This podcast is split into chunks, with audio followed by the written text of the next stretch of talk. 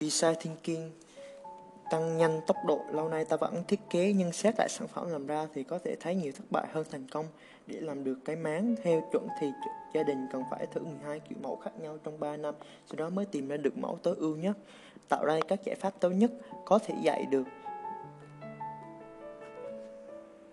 Product Design sự tương tác giữa interaction hay thiết kế trải nghiệm người dùng UX design sẽ điều ra investigate những thói quen mẫu behavior pattern, tìm ra các, rất nhiều cách khác nhau để áp dụng chính xác mà có thể giải quyết được những nhu cầu chưa được phát hiện của người dùng. Những người này có thể tạo ra và lặp lại các giải pháp này nhanh hơn hầu hết mọi người.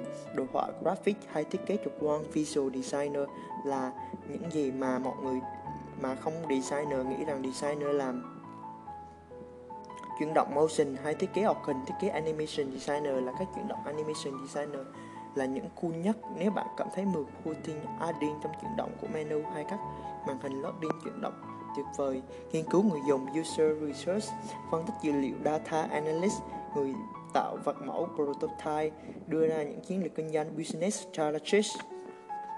Bài học rút ra từ câu chuyện này chính là khi bạn thiết kế một sản phẩm tiện lợi hơn cho người khuyết tật, bạn cũng có sẽ cơ hội mang đến trải nghiệm tốt hơn cho những người khác để tạo ra được thiết kế toàn diện sản phẩm bằng phải tiếp cận được tất cả mọi người bao gồm những người khuyết tật hoặc không.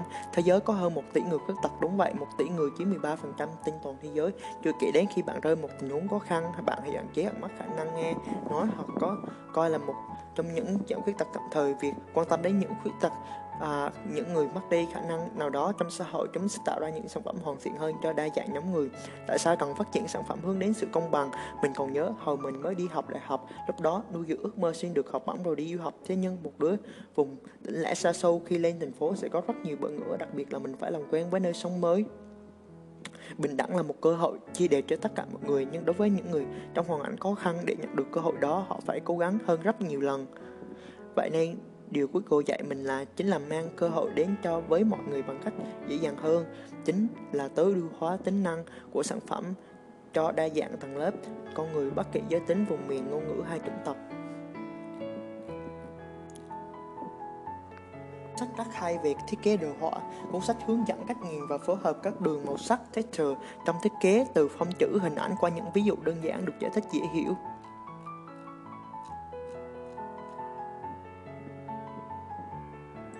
Tổng hợp thiết kế được họa ý tưởng khi mọi người nghĩ về ý tưởng đồ họa mọi người thường nghĩ đến Illustrator, Photoshop, thiết kế banner, Facebook, vẽ tờ rơi, cái logo. Lấy một ví dụ cụ thể trong từ đời sống bạn soạn thảo văn bản Word, bạn chỉnh lề margin bạn chọn kiểu chữ font, bạn chọn cỡ chữ font size, đó chính là thiết kế. Thiết kế rất đơn giản và hiện diện trong đời sống mọi người. Nhưng ít ai để ý, vậy thì soạn thảo văn bản cũng là thiết kế đồ họa chính xác. Chỉ với chữ và biết cách sắp xếp không gian hợp lý là bạn có thể tự thiết kế cho mình vài thứ hay ho. Các nền tảng các yếu tố nền tảng. Mọi thứ đều cấu thành từ những yếu tố cơ bản. Sau một thời gian dài mình đã phân tích được những thành phần cơ bản cần nắm bắt trong thiết kế đồ họa. Typography imaging negative space stop look and observe. Typography typography gồm có history association space letter spacing word spacing line spacing title, vân vân vân. Imaging hình ảnh tạo nên các đường nét, khối, màu sắc và sắc độ. Một trong những thứ đơn giản mà nguy hiểm nhất mà bạn có thể tự lập là kết hợp hình ảnh với chữ. Chỉ hình ảnh và chữ không chỉ đạt vào là xong. Câu chuyện là làm thế nào để kết hợp đường nét và khối phông chữ hài hòa với đường nét và khối hình ảnh, sau đó chọn màu sắc, sắc độ để làm cho Mình chưa thấy ai làm được điều đơn giản thế này một cách thuyết phục như John max Maxiway, Negative Space khoảng trắng. Đa số mọi người thường gặp thường thích mọi thứ, phải lấp đầy mọi thứ, phải to ít, ai để ý, biết tận dụng sức mạnh của khoảng trống. Quan sát, cũng như tay photocopy quan sát là một kỹ năng không thể bỏ qua, tài liệu. Chủ nghĩa thiết kế hiện đại.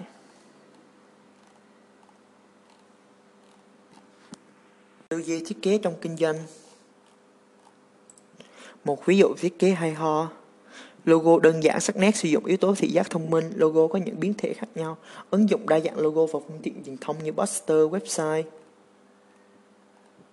Sử dụng màu sắc đơn giản nhưng rõ nét. Một vài yếu tố muốn học hỏi nâng cao khi xem một thiết kế hay ho trên thử nghiệm các trick thị giác, nghiên cứu sâu hơn về thương hiệu, những kênh truyền thông mà thương hiệu cần, ý tưởng của thương hiệu, cách truyền tải thông điệp đó qua các yếu tố thị giác không nên quá cứng rắc vào lưới grid áp dụng thông minh hơn logo và các ứng dụng khác nhau, sử dụng màu sắc đơn giản nhưng hiệu quả.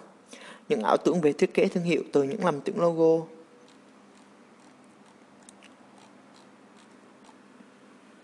Bảy trang web gợi cảm ứng màu sắc cho dân thiết kế phần 1. Ý nghĩa của màu sắc. Tóm tắt nhanh màu sắc là một yếu tố quan trọng trong thiết kế, tuy vậy nó mang lại yếu tố khá chủ quan. Lý thuyết màu sắc cũng là bộ môn khoa học nghệ thuật, định hướng chính nó.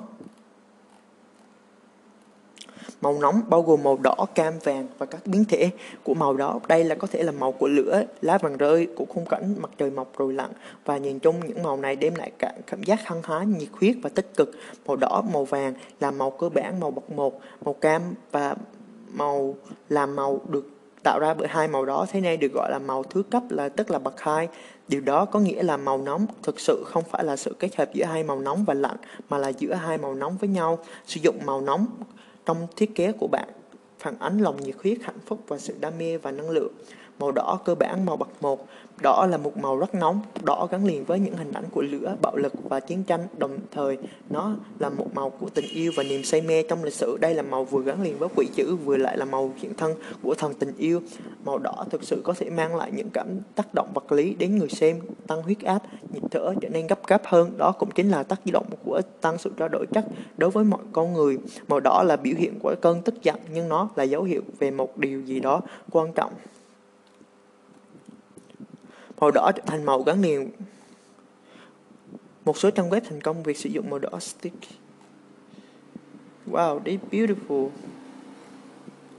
Màu da cam là màu rực rỡ tràn đầy năng lượng ở sắc độ dịu nhẹ màu da cam gắn liền với trái đất và mùa thu bởi vì nó gắn liền với hình ảnh giao mùa nên màu cam là màu chung tượng trưng cho sự thay đổi và chuyển động. Đây cũng là màu đặc biệt gắn liền với sự sáng tạo. Chúng ta có loại quả cùng tên là màu cam, ấy là quả cam nên màu cam cũng mang lại cảm giác khỏe khoắn, tràn đầy sức sống. Trong thiết kế, màu cam có thể thu hút sự chú ý của người xem và không bị lắng át những màu đỏ. Màu cam thường mang cảm giác thân thiện, mời gọi có thể không, khó có thể né tránh. Màu vàng, màu vàng là màu rực rỡ đem lại nhiều năng lượng nhất trong tất cả tông màu nóng. Màu vàng có thể gắn liền với hình ảnh mặt trời và niềm hạnh phúc. Tuy vậy, nó gắn liền với sự lừa dối và nhát gan. Vì thế, trong tiếng Anh có thể gọi ai đó là do yellow tức là bạn gọi là một kẻ nhát gan màu vàng là màu của hy vọng bạn có thể nhìn thấy ở một số đất nước khi một dải băng màu vàng được treo lên đất nước cửa ngôi nhà thì điều đó có nghĩa rằng một gia đình đó đang có người thân tham gia chiến tranh màu vàng cũng là màu mang ý nghĩa nguy hiểm dù nó không mạnh mẽ như màu đỏ.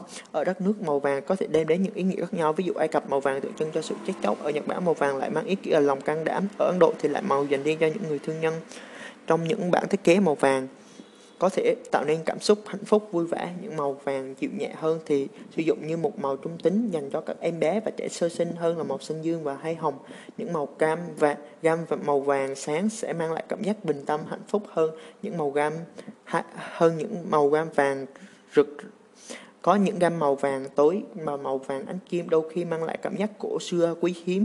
Trong lúc thiết kế sử dụng màu này, mong muốn được sự bền vững và lâu dài. Màu lạnh, màu lạnh bao gồm màu xanh lá, xanh lam và tím là những màu sắc dịu hơn, có gam màu hơn những gam màu nóng. Chúng là màu của ban đêm, của nước, của tự nhiên và đem lại sự cảm giác bình yên, thư giãn, thậm chí đôi chút dày dặt kiên giáo. Màu xanh lam là màu bậc duy nhất trong quanh phổ màu lạnh. Điều này có nghĩa là tất cả các màu khác nhau được tạo ra bởi sự kết hợp giữa màu lam với một màu tông nóng. Chính vì vậy nên màu xanh lá sẽ mang cho mình một thuộc tính của màu vàng. Màu tím sẽ có một thuộc tính của màu đỏ. Việc sử dụng những tông màu lạnh trong bản thiết kế của bạn có thể đem lại cảm giác điềm tĩnh và chuyên nghiệp. Màu xanh lục là màu thứ cấp bậc 2. Màu xanh lục là màu vô cùng thân thiện. Nó có thể đại diện cho những khởi đầu mới và sự phát triển. Nó cũng biểu hiện đối với mới có sự phong phú. Bên cạnh đó, màu xanh cũng là màu đại diện cho sự đố kỵ, ghen tị và thiếu kinh nghiệm. Màu xanh mang lại nhiều thuộc tính giúp tạo ra cảm giác bình tĩnh như màu xanh lam nhưng đồng thời nó cũng những năng lượng của màu vàng trong thiết kế ở màu xanh lục có thể tạo ra cảm giác cân bằng hài hòa. Màu xanh lam, màu bậc một Màu xanh lam thường gắn liền với nỗi buồn trong tiếng Anh. Màu lam cũng là hay được sử dụng để thể hiện sự điềm tĩnh và trách nhiệm. Gam màu những gam màu sáng sẽ đem lại cảm giác tươi mới và thân thiện. Những gam màu tối sẽ thì đậm tính mạnh mẽ, đáng tin cậy hơn. Màu xanh lam cũng là màu gắn liền với hòa bình, những hình ảnh thuộc về tinh thần và tôn giáo của nhiều nền văn minh khác. Ở mỗi sắc độ cũng như gam màu khác nhau thì màu xanh lam lại có mức độ ảnh hưởng cũng như ý nghĩa khác nhau. Trong thiết kế, độ đậm nhạt của màu xanh là bạn chọn sử dụng sẽ có tác động lớn đến việc bản thiết kế của bạn được cảm nhận như thế nào. Ví dụ như xanh màu xanh nhạt thường đem đến cảm giác thư giãn và bình tĩnh. Màu xanh da trời thì đem lại cảm giác tươi mới và đầy năng lượng. Còn màu xanh sẫm như màu xanh dương là một màu hoàn hảo dành cho website các tập đoàn tập đoàn hoặc những thiết kế mang trong mình sự mạnh mẽ, độ tin cậy và sự quan trọng. Màu tím là màu thứ cấp, màu bậc hai trong thời kỳ cổ đại loại Thuốc nhuộm được sử dụng để tạo nên màu tím được chiết xuất từ những con ốc sen cực kỳ đắt đỏ vì vậy chỉ có hoàng tộc hoặc những gia đình cực kỳ giàu có mới đủ khả năng sở hữu chúng. Màu tím là màu của kết hợp giữa màu đỏ và màu xanh lam, vì thế nó mang lại trong mình một thuộc tính của cả hai màu. Đây cũng là màu gắn liền với sự sáng tạo và trí tưởng tượng ở Thái Lan. Màu tím gắn liền với quá phụ, màu tím đậm truyền thống gắn liền với sự giàu sang và hoàng tộc. Trong khi gam màu nhạt hơn như Màu lavender thường gắn liền với sự lãng mạn. Trong thiết kế, những gam màu tím đậm có thể mang lại cảm giác giàu có và sang trọng hơn, còn những gam màu nhạt hơn thì mang tính mềm mại hơn, gắn liền với mùa xuân và sự lãng mạn. Màu trung tính, những màu trung tính thực được sử dụng ở backdrop của thiết kế, chúng thường được kết hợp với những màu điểm nhấn, nhưng đồng thời những ngai màu này có thể đứng một mình trong bản thiết kế có thể tạo ra những cách bố trí rất tinh vi, ý nghĩa Màu đen, màu đen là màu mạnh mẽ trong các màu trung tính. Thì hướng tích cực nó thường gắn liền với sức mạnh, tính thanh lịch và nghi thức. Còn hướng ngược lại, màu đen tượng trưng cho quỷ dữ, cái chết và những bí ẩn. Màu đen là một màu gắn liền với cái chết và sự tăng tốc trong truyền thống phương Tây. Nó cũng tượng trưng cho tính nổi loạn của một số nền văn hóa, cũng là màu gắn liền với lễ Halloween và sự huyền bí. Màu đen thường được sử dụng với một cách khác hơn là màu dùng làm điểm nhấn. Đối với văn bản, thường nó thường được sử dụng với thiết kế sắc sảo cũng những bản thiết kế mang sự sang trọng, nó có thể vừa mang tính cổ hữu lẫn hiện đại, truyền thông và độc đáo, phụ thuộc vào những màu đen kết hợp cùng. Màu trắng là màu tận cùng ở phía đối lập so với màu đen trên bảng quang phổ màu. Màu trắng thực được gắn liền với sự tinh khiết trong sáng và sạch sẽ của Đức Hạnh. Ở phương Tây, màu trắng cũng là màu của chiếc váy của cô dâu sẽ mặc trong ngày cưới. Nó có liền với ngành công nghiệp chăm sóc sức khỏe, đặc biệt đối với bác sĩ, y tá và nha sĩ. Màu trắng gắn liền với lòng tốt và sự thánh thiện, với các thiên thần cũng thường được miêu tả trong trang phục màu trắng. Vì vậy, phần lớn các nước phương Đông màu trắng lại gắn liền với cái chết và sự tăng tốc. Ấn Độ một quá phụ sẽ mặc đồ màu trắng. Trong thiết kế, màu trắng được là màu trung tính khi sử dụng để làm màu nền cho các màu khác, có tiếng nói lớn hơn, có có thể giúp truyền tải cảm giác sạch sẽ và sự đơn giản, là một màu phổ biến trong thiết kế tối giản, màu trắng có thể thiết kế cũng có thể dùng để mô tả những mùa đông, mùa hè phụ thuộc vào mô tiếp thiết kế của những xung quanh. Màu xám là màu trung tính, nằm tận cùng bên với màu lạnh trên quang phổ màu. Đôi khi màu xám đem lại cảm giác tâm trạng gắn liền với trầm cảm. Màu tám xám có thể được dùng để màu thay thế cho màu trắng, cùng màu xám đen được sử dụng để thay thế cho màu đen. Màu xám thường mang tính chất khá bảo thủ và hình thức, nhưng nó cũng là màu mang nét hiện đại, đôi khi được coi là màu của tang lễ. Màu xám thường được dùng cho những người thiết kế của công, cho những thiết kế của công ty nơi mà hình thức, sự chuyên nghiệp là tối quan trọng. Đây cũng là màu cực kỳ tinh xảo. Màu xám thường mang mình sắc đen còn những màu xám khác thì có thể sắc xanh nâu pha chút trong đó Màu nâu được gắn liền với đất và gỗ và đá. Đây cũng là màu hoàn toàn từ từ, thiên nhiên là một màu ấm trung tính. Màu nâu gắn liền với sự tự cậy, lòng kiên định và mang trong mình một thuộc tính của đất. Vì vậy nên đôi khi nó có thể tạo ra cảm giác hơi chậm chạp, đơn điệu trong thiết kế người ta dùng màu nâu để là màu nền hoặc đôi khi là màu của họ thiết gỗ và lá. Nó đem đến cảm giác ấm áp, lành mạnh. Trong những quyển thiết kế đôi khi là màu đậm, có thể sử dụng thay thế cho màu đen và phần nền chữ.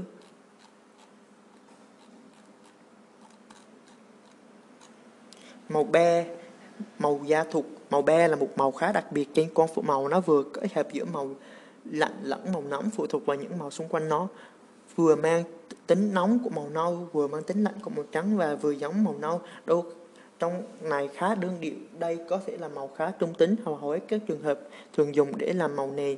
Đây cũng là màu biểu tượng của lòng thành kính. Trong thiết kế, màu be được sử dụng rất nhiều ở nề, kết hợp với họa tiết, giấy nhám. Nó mang tính đặc trưng của đặc tính của những màu xung quanh nó. Điều này có nghĩa là bản thân màu be rất ít tác động đến cách người dùng cảm nhận. Bản thiết kế khi kết hợp chúng lại với nhau. Màu kem màu trắng ngà, màu trắng ngà màu kem là màu vô cùng tinh tế. Hai màu này kết hợp với một chút sự ấm áp của màu nâu, phần nhiều sự ảm đạm của màu trắng là một màu nhã nhặn gợi lên cảm giác lịch sự. Màu trắng ngà là màu khá nhẹ nhàng trong đó mang mình thuộc tính tinh khiết của màu trắng nhưng vẫn giữ được cảm giác ấm áp. Trong thiết kế màu trắng ngà có thể mang lại cảm giác nhẹ nhàng nhẹ nhàng cho website của bạn. Khi thiết kế màu tự nhiên như màu hồng đào hoặc nâu đất, nó có thể đem lại cảm giác bình tĩnh giống như đất vậy. Màu trắng ngà có thể được sử dụng tăng độ sáng của màu tối mà không gây ra sự tương phản quá gắt.